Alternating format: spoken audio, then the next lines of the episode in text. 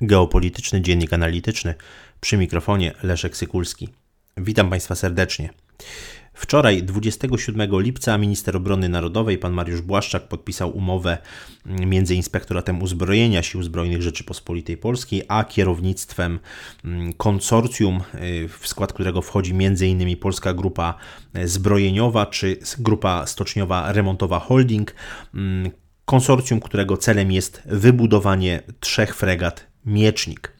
Moim zdaniem to, co jest y, godne najwyższego podkreślenia tutaj, to fakt, że okręt ma powstać, te okręty Miecznik mają powstawać jako praca rozwojowa, to znaczy, że mają być wyprodukowane w Polsce przez polski przemysł, mm, w polskich zakładach ma powstać maksymalnie dużo technologii, ma się dokonywać transfer nowoczesnych technologii do, mm, do państwa polskiego, mamy tutaj integrować z tymi jednostkami rodzime y, systemy uzbrojenia, systemy wyposażenia i z tego punktu widzenia mm, uważam, że jest tutaj jakościowa różnica, czy też nawet jakościowy skok, jeśli chodzi o podejście do pozyskiwania nowoczesnego uzbrojenia, chociażby mm, w porównaniu do mm, broni pancernej, chociażby do tych, tego ostatniego, tych ostatnich zapowiedzi, jeśli chodzi o pozyskanie czołgów Abrams. Tutaj widzimy zupełnie inne podejście. Moim zdaniem ono e, koresponduje z e, polską racją stanu, koresponduje także z koncepcją, powiedziałbym, i obrony powietrznej, nowoczesnej obrony powietrznej, powietrznej e, państwa, gdzie ten komponent nawodny powinien odgrywać bardzo istotną rolę, e, jak i e, jeśli chodzi o kwestie, powiedziałbym, takie geoekonomiczne, czyli kwestia zabezpieczenia interesów Polski na morzu, przede wszystkim tych interesów gospodarczych, ale także zdolność do manifestacji zdolność do mm, uprawiania dyplomacji za pomocą e, właśnie tych instrumentów e, militarnych, chociażby demonstracji siły, zdolności do projekcji siły. Te elementy mają ogromne, mm, ogromne znaczenie. Jeśli chodzi o sam program Miecznik, mm, jeśli chodzi o właśnie ten cały projekt, to jego ramy czasowe są zakreślone na lata 2021-2034. Mówi się o tym, że cały program ma kosztować około 8 miliardów złotych. Ja ja myślę, że ten, że ten koszt może być mm, wyższy, nawet o kilka miliardów, no to w zależności oczywiście od wyposażenia, od tego, na jakie wyposażenie tutaj mm, państwo polskie się zdecyduje.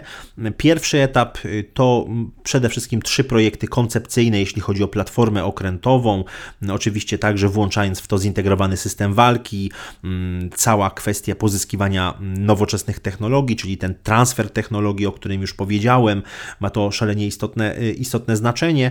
Natomiast drugi etap to jest przygotowanie tego takiego przemysłowego studium wykona wykonalności i takiego projektu wstępnego. No i wreszcie etap y, trzeci, czyli mm, produkcja mm, dwóch jednostek seryjnych wraz ze wszystkimi tymi pakietami logistycznymi, mm, które mają, no, można powiedzieć, stworzenie bazy do y, obsługi tych, y, tych jednostek. No i y, oczywiście pozyskiwa pozyskiwanie całych, powiedziałbym, tych zestawów środków bojowych dla wszystkich y, trzech okrętów.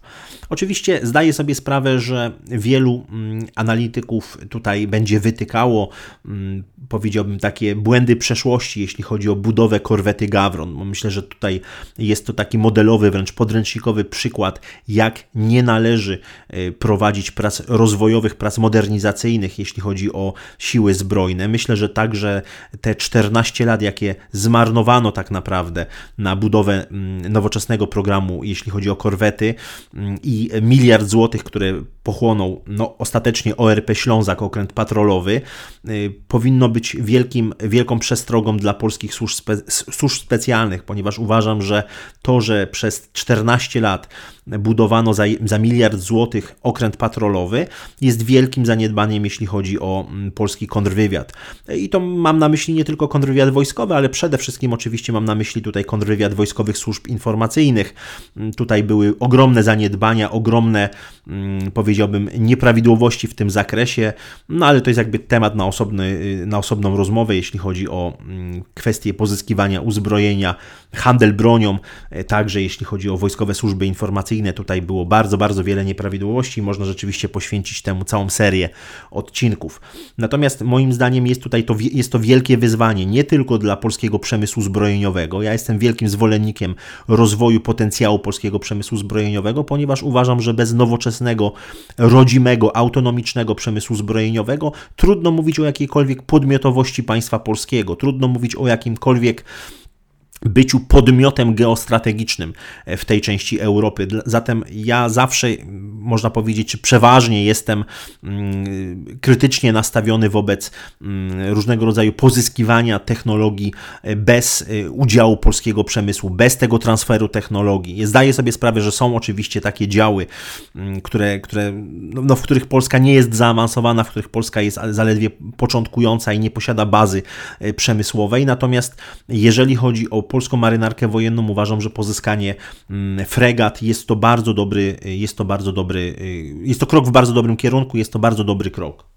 I w tym kontekście no, myślę, że warto wytłumaczyć, dlaczego uważam, że akurat fregaty, a nie na przykład korwety czy okręty patrolowe powinny być takim istotnym wzmocnieniem komponentu morskiego Sił Zbrojnych Rzeczypospolitej. Uważam, że dziś y, państwa na Bałtyku bardzo mocno rozwijają mm, zdolności przeciwdostępowe. Mówimy oczywiście o tych systemach A2AD, mm, Anti-Access Area Denial. Chodzi o uzyskiwanie lokalnego panowania na morzu i to warto podkreślić, że dziś e, te mm, zdolności przeciwdostępowe są rozwijane w czterech przestrzeniach, w czterech wymiarach. Po pierwsze w powietrzu, po drugie na powierzchni wody, po trzecie w głębinie, czyli pod wodą i po czwarte w cyberprzestrzeni. Moim zdaniem, i podkreślam to mm, bardzo często, w naszej części Europy nie można wykluczyć prawdopodobieństwa wybuchu konfliktu o y, wysokiej y, intensywności, także w rejonie Bałtyku. Także w rejonie Bałtyku, dlatego uważam, że pozyskanie platform morskich, które będą y, takim powiedziałbym istotnym komponentem dopełniającym pozostałe zarówno środki marynarki wojennej, jak i pozostałych rodzajów sił zbrojnych jest y, bardzo istotne i odpowiada tak naprawdę na rosnącą mm, skalę zagrożeń e, i y, odpowiada także na ten wielki wyścig technologiczny. Pamiętajmy, że marynarka wojenna to jest ten rodzaj sił zbrojnych, który generuje y, transfer nowoczesnych technologii. Jest to mm, część analityków w ogóle uważa, że jest to najbardziej zaawansowany technologicznie rodzaj sił zbrojnych na świecie, który pochłania oczywiście ogromne, ogromne koszty, ale zwraca się, zwraca się jeśli chodzi o rozwój gospodarki narodowej, jeśli chodzi o zdolność do zabezpieczenia mm, wybrzeża, bezpieczeństwa obrony wybrzeża, interesów ekonomicznych państwa. Pamiętajmy, że Polska obecnie posiada naj, najdłuższą linię y, brzegową w całej swojej tysiącletniej historii. Moim zdaniem mm, w ogóle nie wykorzystuje tego w takim, y, powiedziałbym, wymiarze, w takiej skali, w jakiej powinna.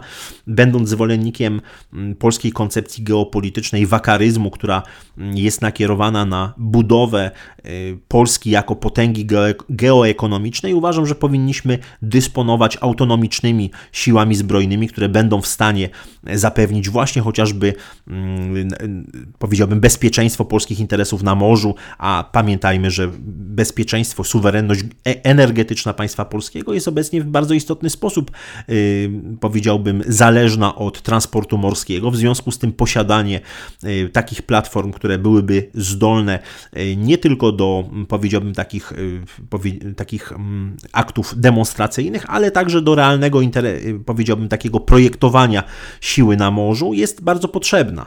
W tym kontekście ten program modernizacyjny marynarki wojennej, którego celem jest pozyskanie okrętów typu miecznik, jest szalenie istotny pod kątem także tego, co nazywamy mm, obroną powietrzną. No, trzeba tutaj zauważyć, że obecnie jedynymi jednostkami marynarki wojennej, które mm, posiadają mm, jakikolwiek znaczący y, potencjał do zwalczania środków napadu powietrznego, są już stare i wysłużone fregaty typu Oliver Hazard Perry, mm, czyli ORP Pułaski, ORP Kościuszko, które są uzbrojone w systemy SM1, ale jest to zasięg około 40 km, no i mm, mówmy sobie szczerze, te, te fregaty będą, mm, będą jeszcze na stanie marynarki wojennej e, może przez kilka, e, kilka lat. Potrzebujemy dzisiaj e, tych środków, y, które będą w, takich fregat wielozadaniowych, które mm, umożliwią tak naprawdę wypełnienie istniejącej luki, jeśli chodzi o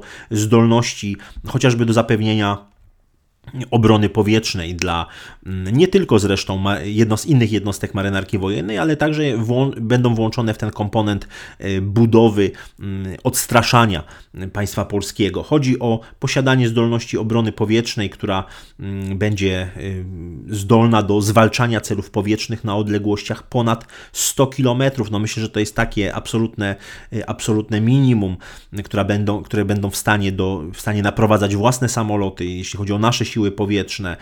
I tutaj mm, oczywiście fregaty powinny współpracować i z lotnictwem rozpoznawczym, i z lotnictwem uderzeniowym, powinny dysponować y, systemami wskazywania celów poza horyzontem, powinny mm, posiadać oczywiście elementy systemu, nowoczesne elementy systemu kierowania, dowodzenia y, i, zdol, i powinny być zdolne do rażenia efektorów mm, przeciwnika. I no, w tym kontekście uważam, że wybór fregat, a nie korwet, czy też jakichś małych okrętów rakietowych, okrętów patrolowych, jest dobrym wyborem, ponieważ Pozyskanie fregat pozwala y, na uzyskanie zdolności odpierania nawet skoordynowanego ataku rakietowego z kilku kierunków. No i tutaj można powiedzieć, że takie fregaty na pewno y, zapewnią bardzo istotną osłonę przeciwlotniczą dla morskiej jednostki rakietowej, no a także oczywiście dla innych okrętów, dla innych także komponentów wojsk lądowych.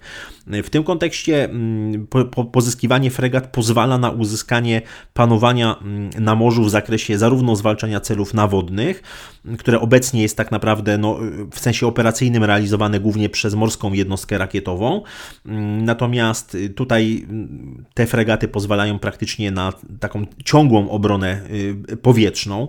Pozwalają oczywiście także na zwalczanie okrętów podwodnych w szerokim zakresie, na obronę przeciwlotniczą, obronę przed okrętami nawodnymi, no i oczywiście y, pozwalają także na pewną taką swobodę operacyjną, bym powiedział, jeśli chodzi o manewr, manewry okrętów, ok, ok, przez okręty podwodne. Oczywiście Polska dzisiaj potrzebuje bardzo mocno, oprócz fregat, także nowoczesnych okrętów podwodnych i moim zdaniem jest to kolejny program, który powinien być w y, takim, powiedziałbym, ekspresowym, priorytetowym tempie mm, realizowany, ponieważ jest to bardzo istotny, a jednocześnie bardzo skuteczny, podkreślmy, element odstraszania potencjalnego przeciwnika i powinien być, tak jak powiedziałem, absolutnie priorytetowym elementem.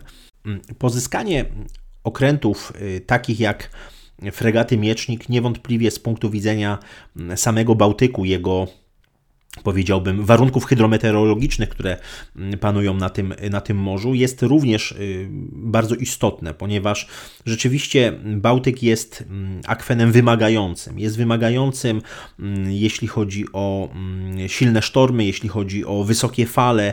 Tutaj niewątpliwie pozyskanie okrętu o większej dzielności morskiej jest y, moim zdaniem lepsze niż pozyskanie okrętów typu korweta czy, czy, czy jeszcze mniejszych okrętów. I no moim zdaniem także absurdalnym takim argumentem, który jest, wy, powiedziałbym, taki często wypowiadany przez przeciwników marynarki wojennej, czy rozwoju marynarki wojennej, jest to, że większy okręt jest łatwiejszym y, celem dla potencjalnego przeciwnika, no co jest absurdalne tak naprawdę, ponieważ y, no, zdecydowanie jednostki mniejsze są łatwiejsze do wyeliminowania w trakcie, w trakcie konfliktu, ponieważ no, nie posiadają możliwości samoobrony. Niewątpliwie fregata jest takim okrętem, który posiada bardzo wysoką, wysokie zdolności do samoobrony, jest także w stanie nie tylko sama siebie bronić jako jednostka, ale także zapewniać y, czy wkomponowywać się w cały, w cały system obrony wybrzeża. Także myślę, że pod tym kątem, także pod kątem całego systemu obrony powietrznej państwa polskiego, y, jest to bardzo, krok w bardzo dobrym, y, krok w bardzo dobrym kierunku no, te plany pozyskania mm, pierwszego okrętu za już 4 lata, moim zdaniem, są niezwykle ambitne i mm, wiele będzie zależało od y, działań osłonowych polskiego kontrwywiadu. Uważam, że to jest właściwie klucz.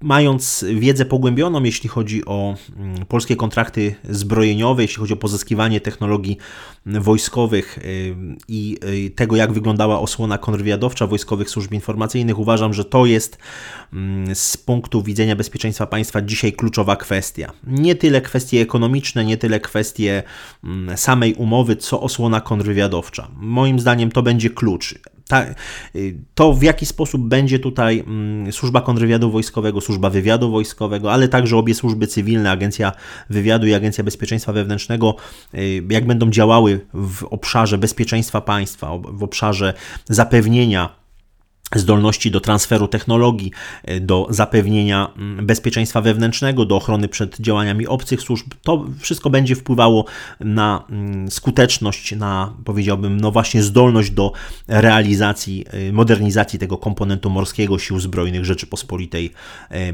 Polskiej.